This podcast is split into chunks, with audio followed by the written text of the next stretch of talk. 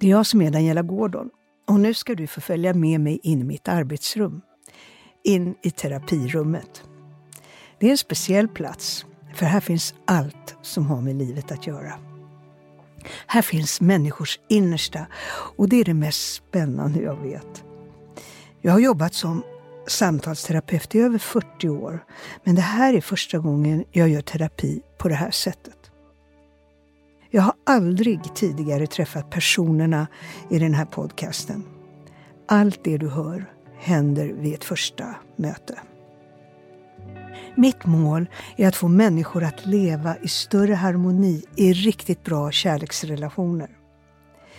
Det jag önskar för dig som lyssnar är att du ska få lära dig saker om ditt liv och bli inspirerad att göra förändringar för att hitta till en kärlek på allvar. Snart ska du få träffa Amir som dagens avsnitt handlar om. Som barn utsattes Amir för obehagliga situationer som fortfarande spökar. Sårbarhet är en förutsättning för kärlek. Men om du utsatts för ett trauma i barndomen gör du allt för att slippa känna samma känslor igen. Därför kan du heller aldrig släppa in kärleken helt och fullt i ditt liv. Amirs utmaning är därför att försöka läka såret hos sitt åttaåriga jag. Då börjar vi. Hur många gånger har du varit kär? Oj. Det beror på man, vad man menar med att vara kär. Liksom. Mm. Nej, men det är inte, ingen definition. Okay, ingen... Du pratar ju om en känsla. Ja, det är sant. Så hur många gånger har du känt dig kär? Okej, okay. då tror jag att jag har varit det ganska många gånger. Okej. Okay. Um, Ungefär hur många gånger? 10-20 gånger. Mm, det var inte dåligt. Nej. Finns det någon gradskillnad på de här förälskelserna? Är det någon du kan peka ut som säger, men där var jag mer kär än jag varit de andra 20 gångerna. Här, det här är speciellt eller det här är den gången jag har varit kärast. Jag tror, alltså eh, två tillfällen kanske. Ja. Min, min första flickvän när jag var 19. Mm. Eh, jag tror för att jag inte riktigt hade några referensramar. Mm. Och då var det liksom det största som har hänt mig. Att mm. bli kär och bli besvarad. Mm. Att, att så här, hon också är kär tillbaka. Ja. Och att vi älskar varandra. Och, ja. och den andra gången? Andra gången är i mitt eh, senaste förhållande. Okej. Okay. Och då var det också den här känslan av att så här, vi, det är vi mot världen. Ja. Ja. Det, det tyckte jag väl. Ja. Så du kan ju ändå peka ut de här två, den här senaste. Mm. Om du då jämför förälskelsen, de andra 20 förälskelserna med den här, vad, vad, vad, vad, vad är skillnaden? Ja, skillnaden är väl att de här, eller, ja, de här är lite mer besvarade. Eller de är besvarade liksom. Och lite längre, eller är mycket längre, än liksom, att vara kär i en person som man träffat ett par gånger och sen så kanske inte händer något mer. Och då kanske, man, kanske jag är ledsen över det. Mm. Så det, du har en historia av att du har varit, blivit förälskad många gånger men du har inte fått gensvaret? Ja. Känns det så? Framförallt när jag var yngre. Mm. Uh, nu tror jag att jag håller mycket, mycket mer på känslorna uh, mm. än tidigare. Vad menar du när du säger det? Nej, men jag försöker att inte investera för mycket mm. känslor mm. och liksom backa och tänka så här, okej, okay, men är det här rationellt? Eh, tror, jag att, tror, jag, tror jag på den här personen? Och så vidare. Liksom innan, innan jag tillåter min kropp att bli kär. Innan du bara kastar dig ut? Ja. Jag brukar, jag brukar säga så här att jag tycker att det är jätteviktigt att man öppnar sitt hjärta lite i taget. Mm. Jag kallar det för att öppna hjärtat lite i taget. Inte vara rationell. Mm. För att det händer ändå här, i hjärtat, i bröstet. Eh, allt som har med förälskelse att göra. Det men det viktiga är att eh, inte kasta sig ut totalt och sen falla efter tre veckor. Utan se, håller den här människan? Håller den här människan? Och det du pratar om, får jag gensvar? Är det värt att bli kär i den här människan? Mm. Men kan, ibland känns det som att jag är cynisk när jag gör så. Är du cynisk? Känns, Ja, men det känns som att andra människor kan tycka att en sån person som, som väntar med att sätta igång eh, känslorna att den, eh, den är kanske elak mot andra liksom, eller så här, inte tillräckligt snäll. Uh, till exempel om en annan person har känslor för mig. Mm. Så. Och jag är lite, är lite mer stängd till en mm. början. Liksom. Men vet du, jag, jag, jag, menar inte att du inte har känslor. Jag menar bara att du, du om du tänker dig... Du, du pratar ju om kastas ut. Mm. Eller hela kroppen. Ja. Jag kallar det för kastas ut. Det vill säga att du överlämnar dig helt till den andra människan. Nu är jag mm. kär. Mm. Eh, och då har du alla spelen öppna. Mm. Och då är du också otroligt sårbar. Och du har inte testat om, om du får ett gensvar överhuvudtaget. Nästan, eller hur? Eh, och vad har hänt de här gångerna då? Vad händer sen? Då med dig, när du inte får gensvaret och du kastar dig ut? Ja, då kanske jag blir ledsen. Ja, ja du blir ledsen. Mm. Det gör ont.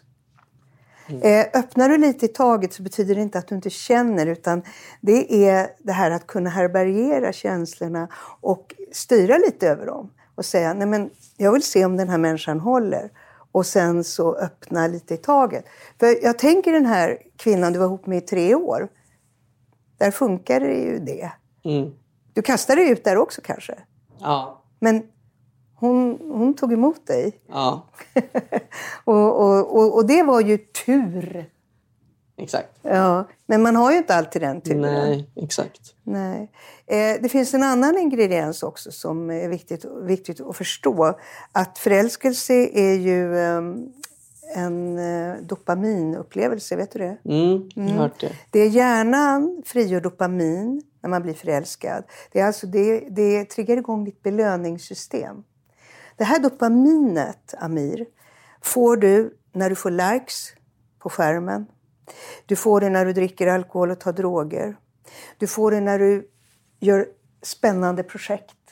Då triggas också det igång. Och, och när du säger att du lätt blir kär, då tänker jag så här, kanske det är så att, att du eh, tycker om den här dopaminruschen. Mm. Ja. Att du vill ha den? Ja, ja, ja, det, tror Jag, det tror jag. Ja. Um, jag, eh, nu använder jag inte så mycket sådana här datingappar. Men eh, ganska länge använde jag Tinder. För kanske ja, men två och ett halvt år sedan så var det väldigt mycket Tinder. Och då, apropå dopamin, alltså man får ju lite sån här dopaminrush varje gång man matchar med någon. Liksom, eh, och får någon chattar med en och så blir man så wow, en person svarade och så vidare. Och det gjorde väldigt mycket att jag bara satt hela nätterna och på morgonen, eh, på, jobb, på väg till jobbet, när jag jobbade, på toaletten, på väg hem. Alltså konstant bara med den här appen. Um, och, och tänkte att det här kanske är en potentiell, kanske potentiell. Och sen så eh, plötsligt får man en match och då får man en dopaminrush och då gör det att jag vill fortsätta. Okej, och du säger att du gör det mindre nu. Vad beror det på då? Eh, av den anledningen. Att... Jag kände inte att jag ville hålla på med den appen för mycket. Liksom. Um, var det Tinder-appen? Ja, det var Tinder. Framförallt. Ja, precis. Mm.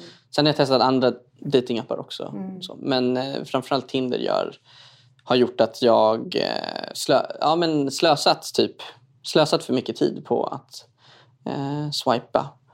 Och um, det känns som tid som jag hade kunnat använda till annat. Um, men, och, och, det tror jag är samma grej, som, alltså samma dopaminkick. Absolut. Som du får i den här omedelbara förälskelsen. Ja, ja, men exakt. Mm.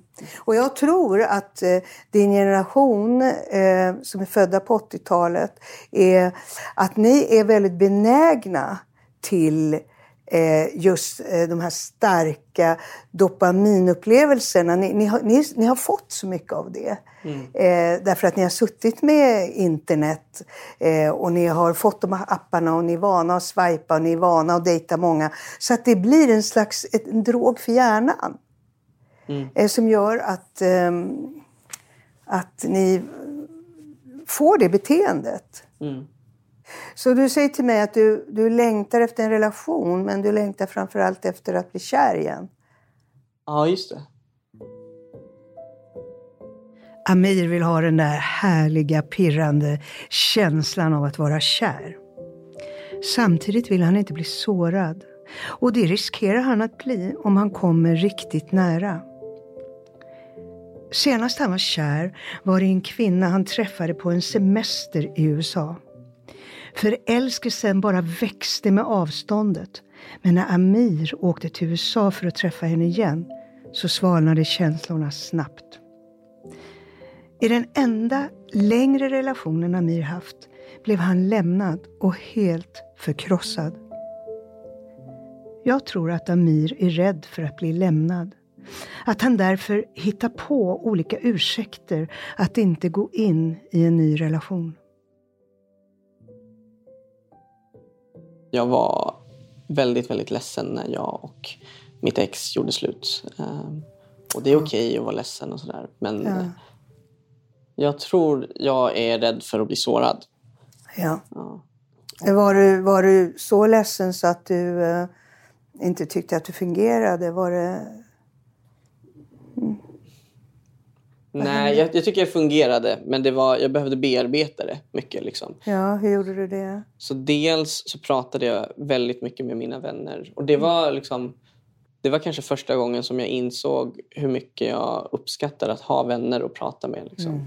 Och sen så gick jag till vårdcentralen tre tillfällen eh, träffade en kurator där och pratade och grät. Och det kändes bra. Ja. ja. Vad gjorde du för insikter där?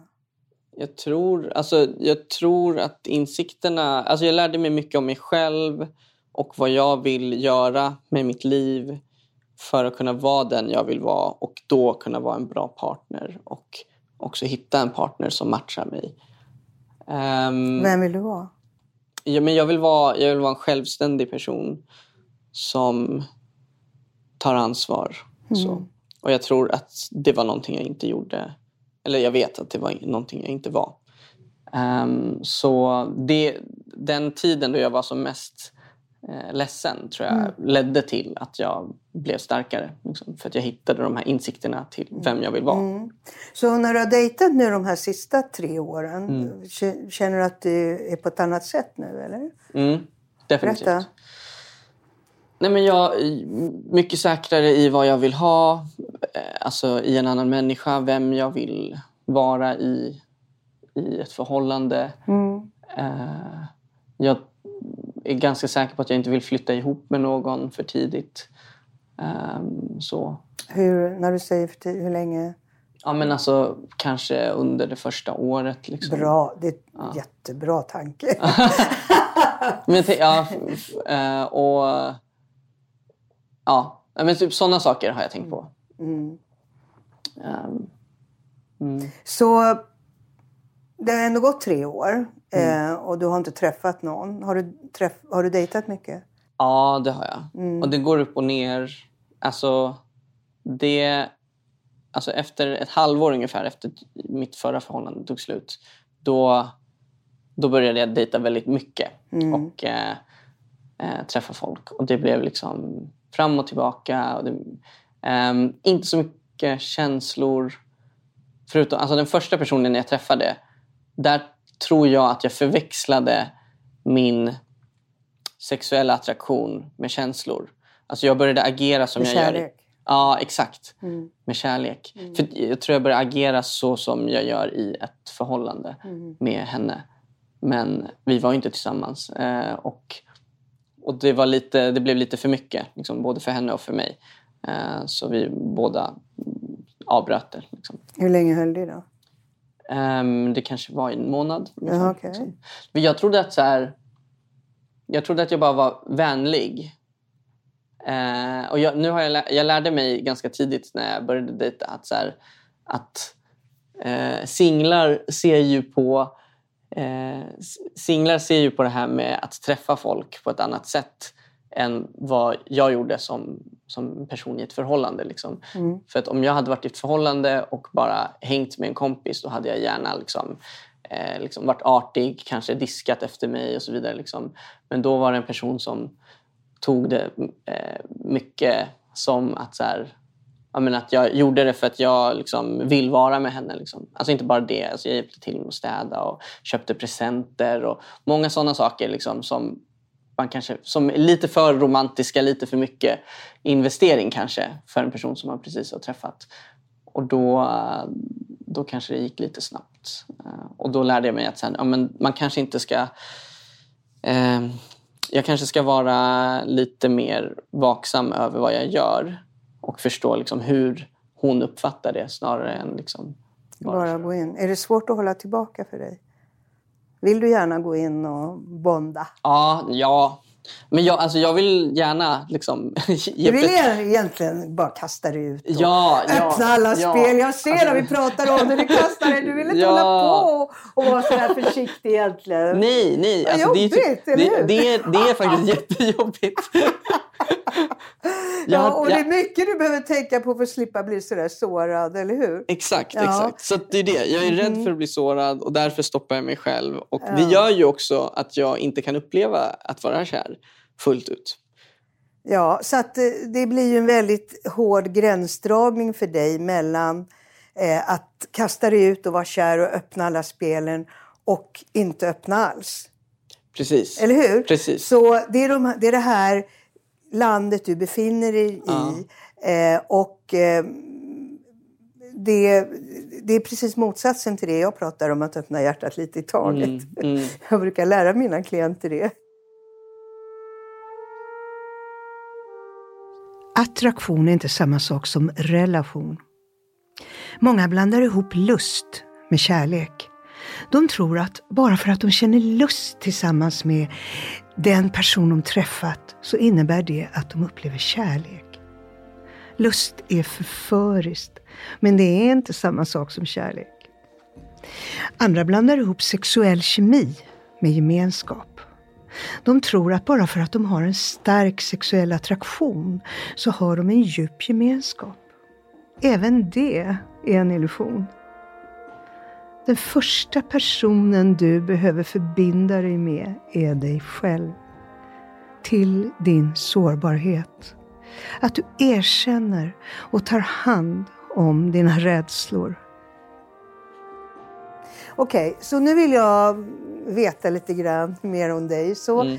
eh, har du efter den här relationen där du säger att du blev, det kändes så starkt för dig, som du slutade för tre år sedan, har du varit kär sedan dess?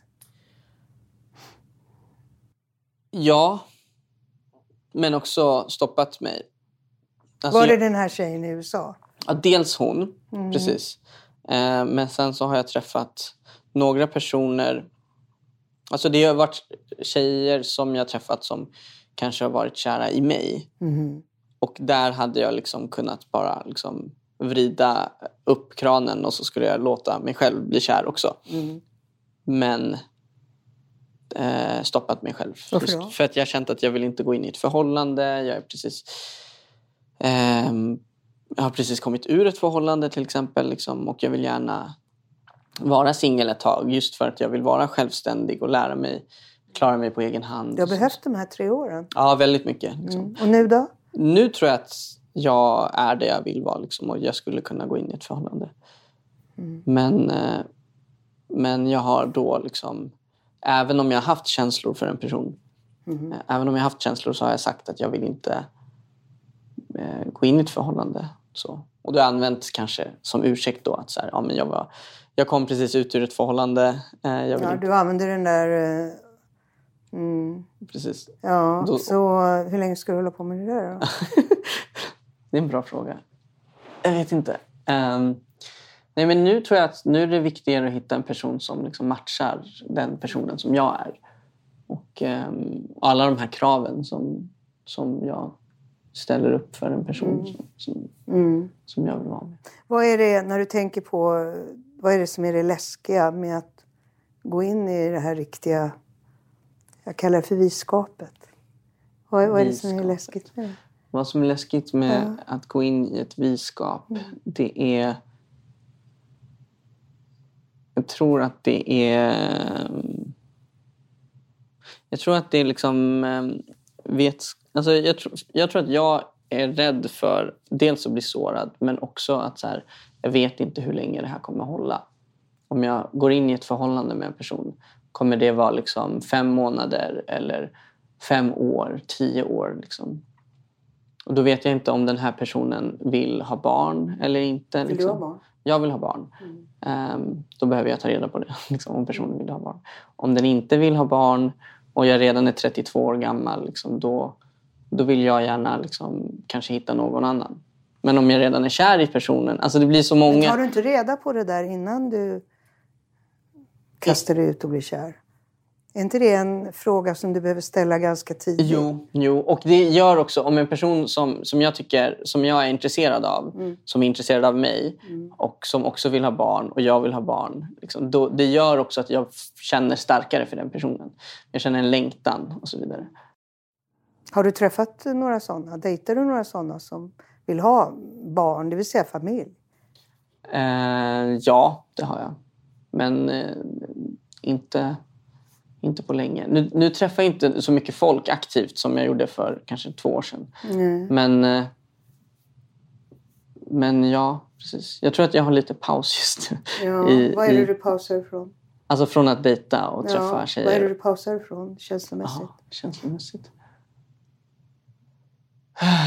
Alltså, jag tror så här. Jag, tror jag pausar i vardagen från att behöva kommunicera, brevväxla med människor eh, som jag inte känner så bra. Och, eh, och, så, och, och, för att kunna fokusera på, på jobb och upplevelser och livet och vänner och familj. Och, mm. Alla de här grejerna vill jag ha liksom, eh, utan att behöva hela tiden så här, nu ska jag träffa en ny person. Mm. Får vi se vad, det, vad som händer då? Nej, det blev ingenting. Då blir jag besviken. Och, sen så, mm. Mm. Um, och, och göra om det om och om igen. Mm det är någonting som, som jag vill ha tagit en paus från. Mm. Liksom, kanske lite mm. mer än ett halvår nu. Mm. Du, egentligen är du ju jätteseriös kille.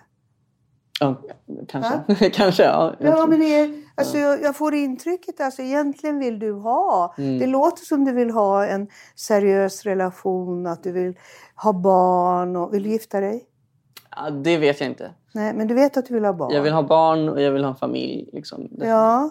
Och, och, och det låter som att du är, verkligen tar hand om ditt hjärta eh, nu för att du har blivit så sårad mm. eh, i den här relationen som tog slut för tre år sedan. Mm. Och du eh, garderar dig ganska hårt från att uppleva det här igen. Samtidigt så älskar du att vara kär. Mm. Och du vill ha den där oh, sköna känslan men du vill inte bli sårad. Ja, exakt. exakt. Så, I have to say, I'm sorry. Det är the game of love, mm. på riktigt. Det är... Det du investerar är sårbarhet. Du kan inte komma ifrån det. Och vågar, in, vågar inte du öppna dig för det, då kommer du inte kunna bli kär på riktigt. Inte bara den där åka berg åka... vad ska jag säga? Jag kallar det för tomtebloss. Bara mm. spraket. Eh, för att i en relation som är på riktigt, då blir du sårad ibland. Och man bråkar ibland och det är jobbigt ibland. Och du vet aldrig hur länge det varar. Nu vet du inte ens när du gifter dig. Mm.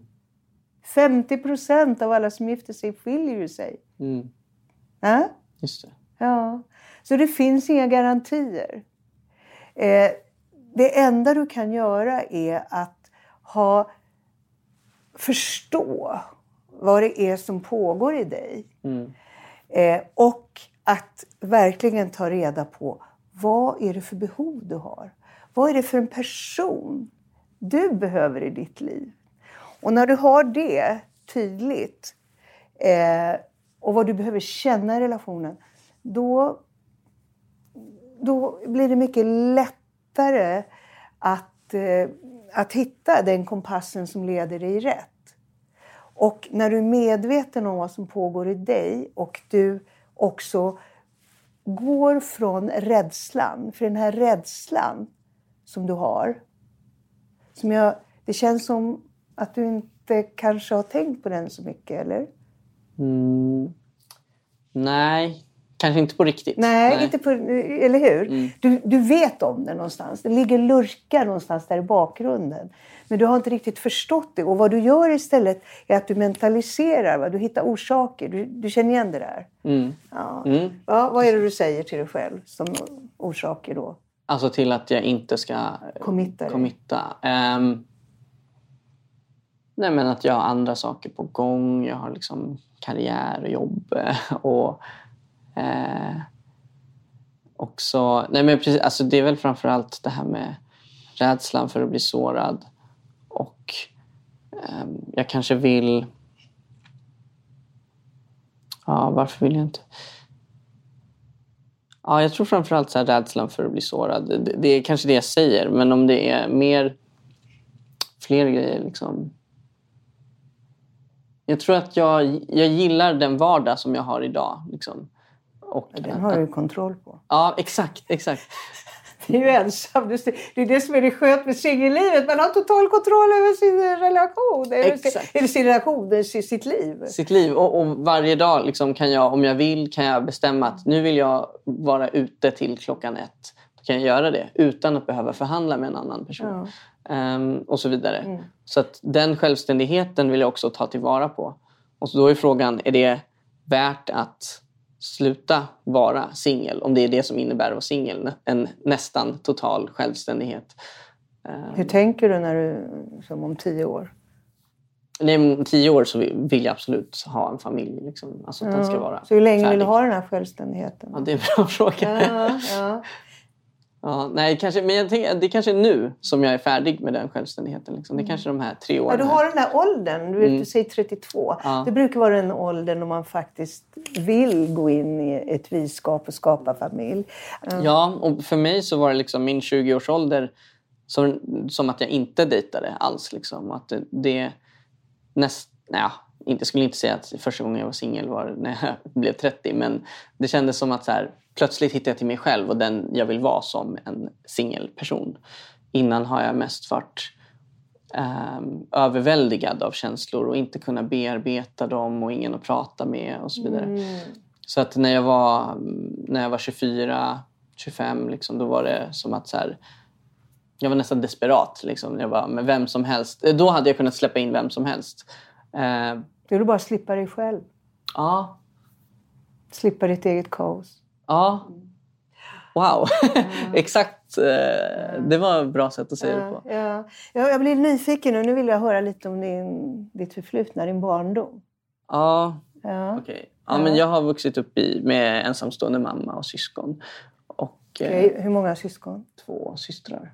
Som är äldre och yngre? Jag är mitten. Är du född i... Jag är född i Sverige, ja. Men mina föräldrar är inte härifrån. Nej. Eh, och eh, vi ja, uppvuxen i en förort i Stockholm. Liksom. Och sen direkt efter gymnasiet så liksom började jag plugga på universitetet. Och liksom, jag har inte riktigt haft en tid då jag liksom utforskat och så här, tagit reda på vad jag vill och vem jag är och sånt där. Utan bara väldigt snabbt gått in i något slags... Här, Överlevnad? Ja, kanske så. Ja. Mm, bygga bra liv.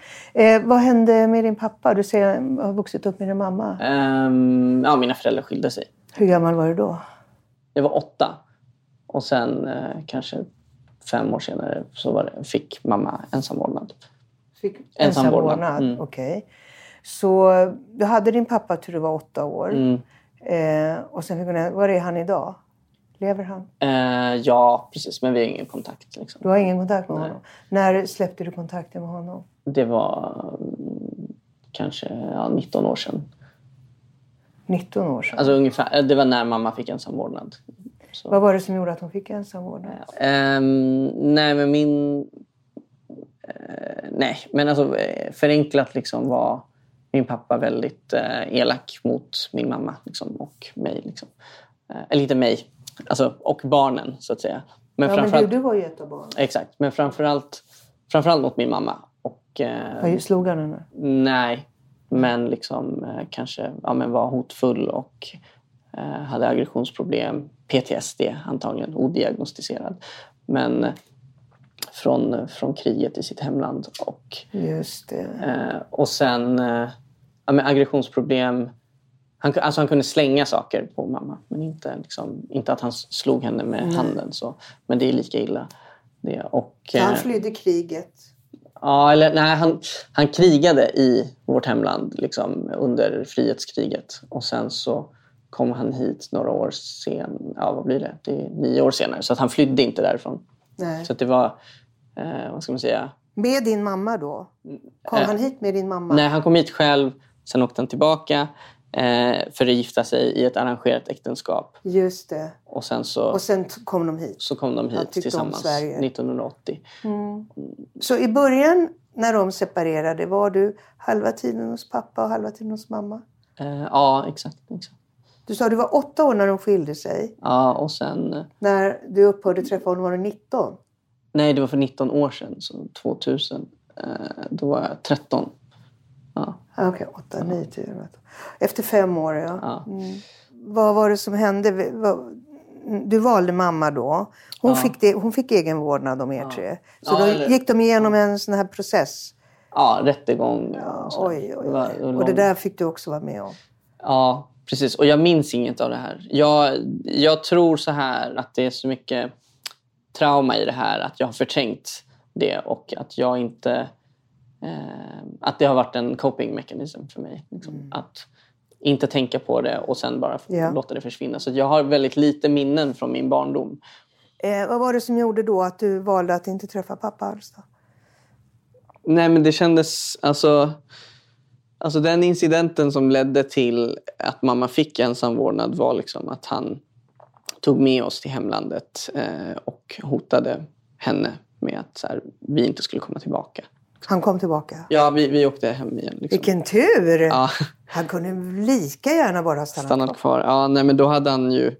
Hela hans liv och karriär här hade ju tagit slut då. Om, han hade inte kunnat... Det ville han inte. Nej. Då hade han behövt stanna där och det hade, inte, eh, det hade han inte velat. Liksom.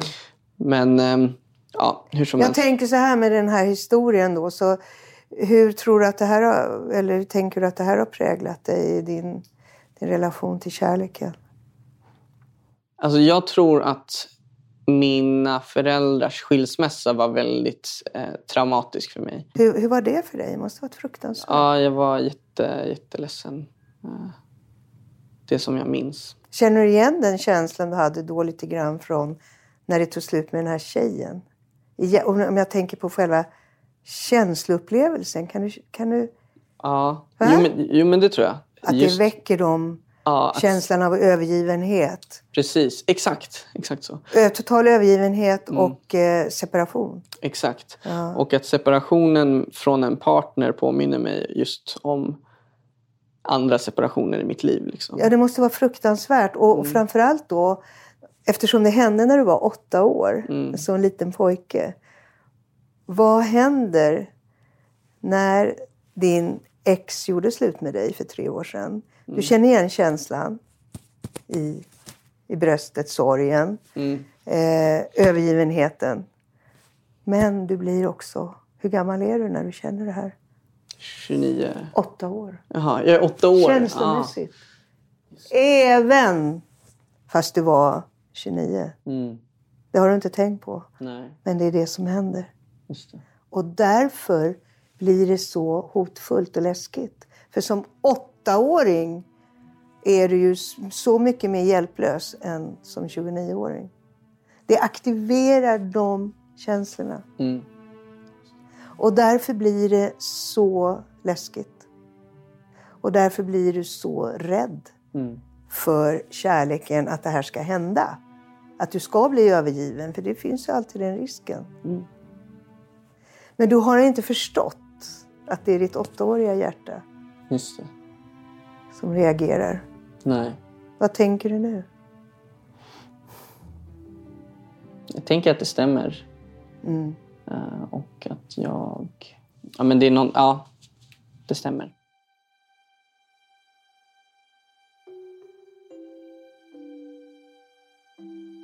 Vet du vad? Vet du vad jag tänker? Ska vi göra en övning? Okej. Ska vi ta hand om den där lilla åttaåringen? Mm. Mm. Sätt dig bekvämt i soffan. Okej. Och så blundar du. Mm. Och så vill jag att du går tillbaka till den här händelsen när du faktiskt var åtta år. Och för det kommer du ändå ihåg när själva skilsmässan inträffade, eller hur? Mm. Kan du se en bild? Ja. Ja, vad ser du när det är som jobbigast och värst? Jag ser att jag och min lilla syster och kanske min stora syster. Ja, jag, ser att jag och mina syskon gömmer oss i sovrummet Ja. och gråter och är ledsna. Ni gömmer er i sovrummet. Har ni stängt eller ligger ni under sängen eller hur gömmer ni? Ja, vi, vi ligger i våningssängen. Liksom. Och med täckena över? Eller ni... Ja, jag tror det. Och bara gråter och hulkar. Och liksom. Håller ni om varann? Nej, det tror jag inte. Ni ligger varsin, okej. Ja. Det, här, det, här, det här kommer du ihåg, eller hur? Mm. Mm. Vet, du, vet du vad jag vill att du ska göra nu? Amir? Mm. Nu vill jag att du som vuxen, nu, vuxna Amir, kliver in i det här rummet. Där din lilla hjälplösa åttaåring, förtvivlad åttaåring ligger och hulkar. Kan du gå in i rummet? Mm. Och jag vill att du går fram till honom. Mm. Ligger han eller är han uppe? Vad vad gör han? Var är han? Eh, I rummet? I sängen. liksom. Är han i sängen? Ja, Ligger han i sängen och hulkar? ja, under, under, s- Under? under slafen. Liksom. Ja. Jag vill att du går fram till honom nu. Och kramar om honom. Mm. Och säger. Gör du det? Mm. Mm.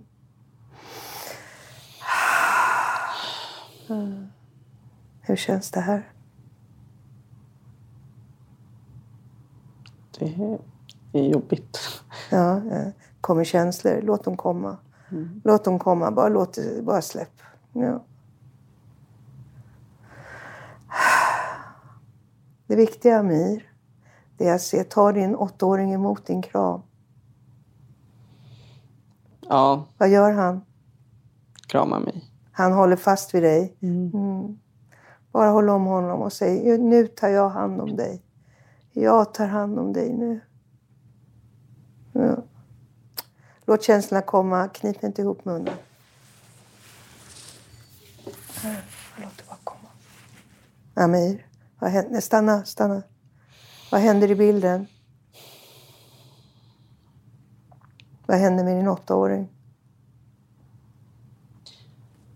Ja, klappar honom på huvudet. Du klappar honom på huvudet. Mm. Hur reagerar han när du gör det här? Det känns bra. Det, känns, bra. Vad händer i din kropp nu? Här där du sitter. Så jag blir ju ledsen. Liksom. Ja, du blir ledsen. Var känner du ledsenheten och sorgen? Var någonstans? Jag, jag känner kanske liksom att det jag skulle vilja ha är liksom en klapp om kinderna. Liksom. Jag tror att jag hade väldigt svårt att eh, växa upp till någon slags ansvarstagande person efter det. Och det var därför det, det har kommit sent i ditt liv, tycker du, att bli Ja. vuxen. Ja. Men du, nu står du... Jag vill fortfarande att du koncentrerar dig på vad du känner i bröstet nu. När du håller om din åttaåring och om det vad som händer. Är det något annat som händer än att du är ledsen? Nej, jag är mest så här... Bara, Ja. Hur känns det skönt? Att du får vara i det? På, på vilket sätt är det skönt? Att känna sig älskad. Ja. Du känner dig älskad av den vuxna nu, Mm. Amir. Du känner dig älskad av dig själv. Mm. Är det inte underbart? Det är den bästa kärleken. Självkärleken. Ah, låt det bara komma. Låt det bara komma. Det är skönt för då släpper den här krampen i din kropp. Den har du burit på sedan du var åtta år, Amir. Ja.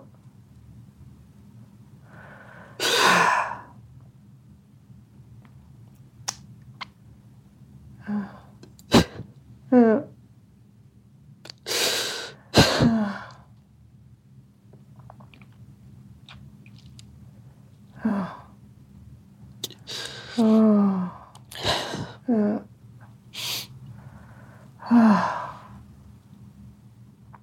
Det är det här som gör,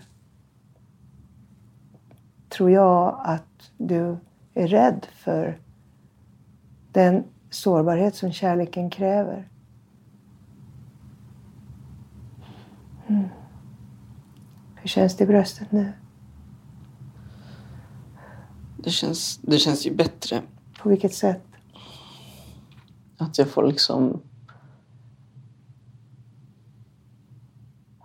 bara vara i mina känslor. Ja. Och inte Ja. Istället för att vara rädd för dem. Eller hur? Istället för att vara rädd för dem Mm. så får du vara i dem nu. Och den vuxna Amir tar hand om den lilla Amir. Så nu, vet du vad du gör nu? Du, plock, du tar din lilla åttaåring Mm. från rummet, tar honom i handen och säger du kom, jag tar hand om dig nu. Mm. Och så lämnar du rummet. Och vet du, nu öppnar du ögonen. Nu sitter han där bredvid dig i soffan. Där. ja. ja, det är du som håller om honom nu. Din åttaåring. Ja, precis. Tar du hand om honom? Hur känns det? Det känns bra. Ja. Han kommer alltid vara med dig. Mm. Men istället för att du har varit rädd för den delen i dig och rädd så tar du hand om den. Är du med? Så när du dejtar nu, då vet du att det är den här lilla åttaåringen som du är så... Att det är honom du har varit så rädd för att aktivera. Men nu tar du hand om honom istället. Mm. Och då känner du dig inte lika rädd för att vara sårbar. Och, och vet du, det är jätteviktigt, så fint du sitter här och håller om honom, att ibland nu när du lever ditt singelliv, när, att, att när du lägger dig ner i sängen och innan du ska somna så kan du bara säga, där ligger du, du pussar på honom. Och du stärker den delen i dig, för den finns där. Och det märker du den finns där. Mm. kommer alltid finnas där. Vi har alltid, vi har hela vår historia med oss. Och det är när vi inte läker det som har hänt som vi blir rädda för våra känslor. För vi är rädd, rädda för det som aktiveras, som har att göra med vår historia.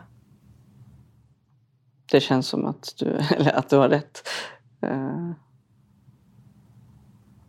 Det viktiga är inte att jag har rätt. nej. Det viktiga är vad, vad, vad har det här gett dig, det här samtalet? Har, eh, har du fått några nya tankar? Har, får du några nya känslor? Är det någonting som känns annorlunda?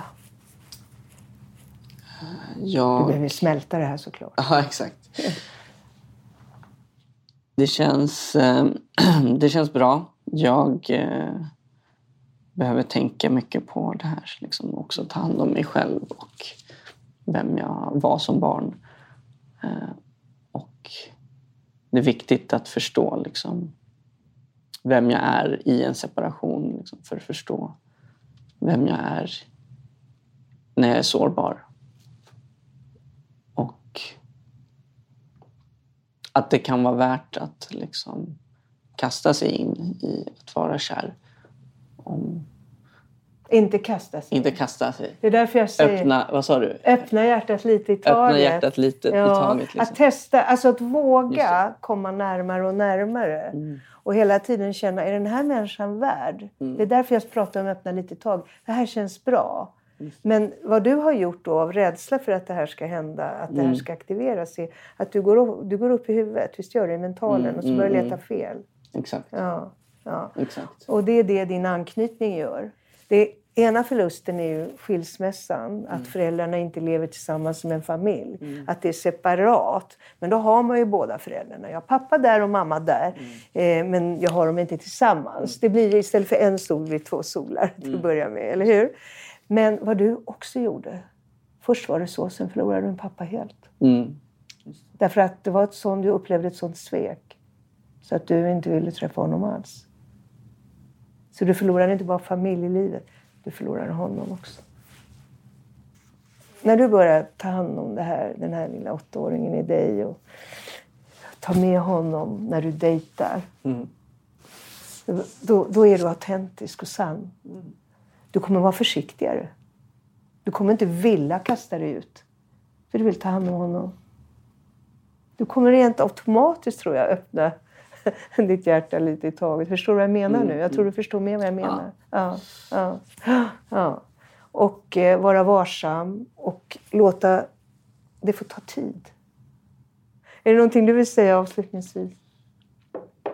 Nej, alltså bara det som jag tänker på när jag tänker på liksom, alltså varför jag vill ha barn. Alltså det handlar mycket om just det barnet jag var. Liksom, Och jag vill liksom... Men jag tycker liksom om... Om jag har systerson till exempel. Jag tänker mycket på honom som om han vore jag som barn. Liksom. Eh, och det är... Jag önskar att jag hade liksom en... En pappa? Ja, en pappa precis. Men också att jag kunde vara en pappa. Jag tror jag aldrig velat vara en pappa förrän liksom nu senaste åren eh, bara. Du vill, ge, du, vill, du vill vara den pappan du inte själv fick. Mm. Och på det sättet läker du ditt barndomsår. Det här känner du instinktivt. Mm. Du vill kunna ge ditt barn det du inte själv fick av din pappa. Precis. Ja. Precis. Ja. Och då läker du det här och så får du vara den pappan. Det är sånt helande för dig. Mm. Exakt. Hela din barndom. Precis. Så vackert. Ja. Det kanske är... Mm. Det kommer bli jättebra. Ja. Tack. Tack Amir. Jag som producerat heter Anna Åkerlund. Klippning har gjorts av Linda Jensen Kidane. Exekutiva producenter var Martin Jonsson och Mohammed El Abed, producerat av Soundtelling. Och om du som lyssnar själv vill medverka i programmet eller om du och din partner vill vara med så mejla oss på contact soundtelling.com och då stavas contact som på engelska. Alltså contact soundtelling.com. Ett poddtips från Podplay. I fallen jag aldrig glömmer djupdyker Hasse Aro i arbetet bakom några av Sveriges mest uppseendeväckande brottsutredningar går vi in med hemlig telefonavlyssning och, och då upplever vi att vi får en total förändring av hans beteende. Vad är det som händer nu? Vem är det som läcker? Och så säger han att jag är kriminell, jag har varit kriminell i hela mitt liv men att mörda ett barn, där går min gräns. Nya säsongen av Fallen jag aldrig glömmer på Podplay.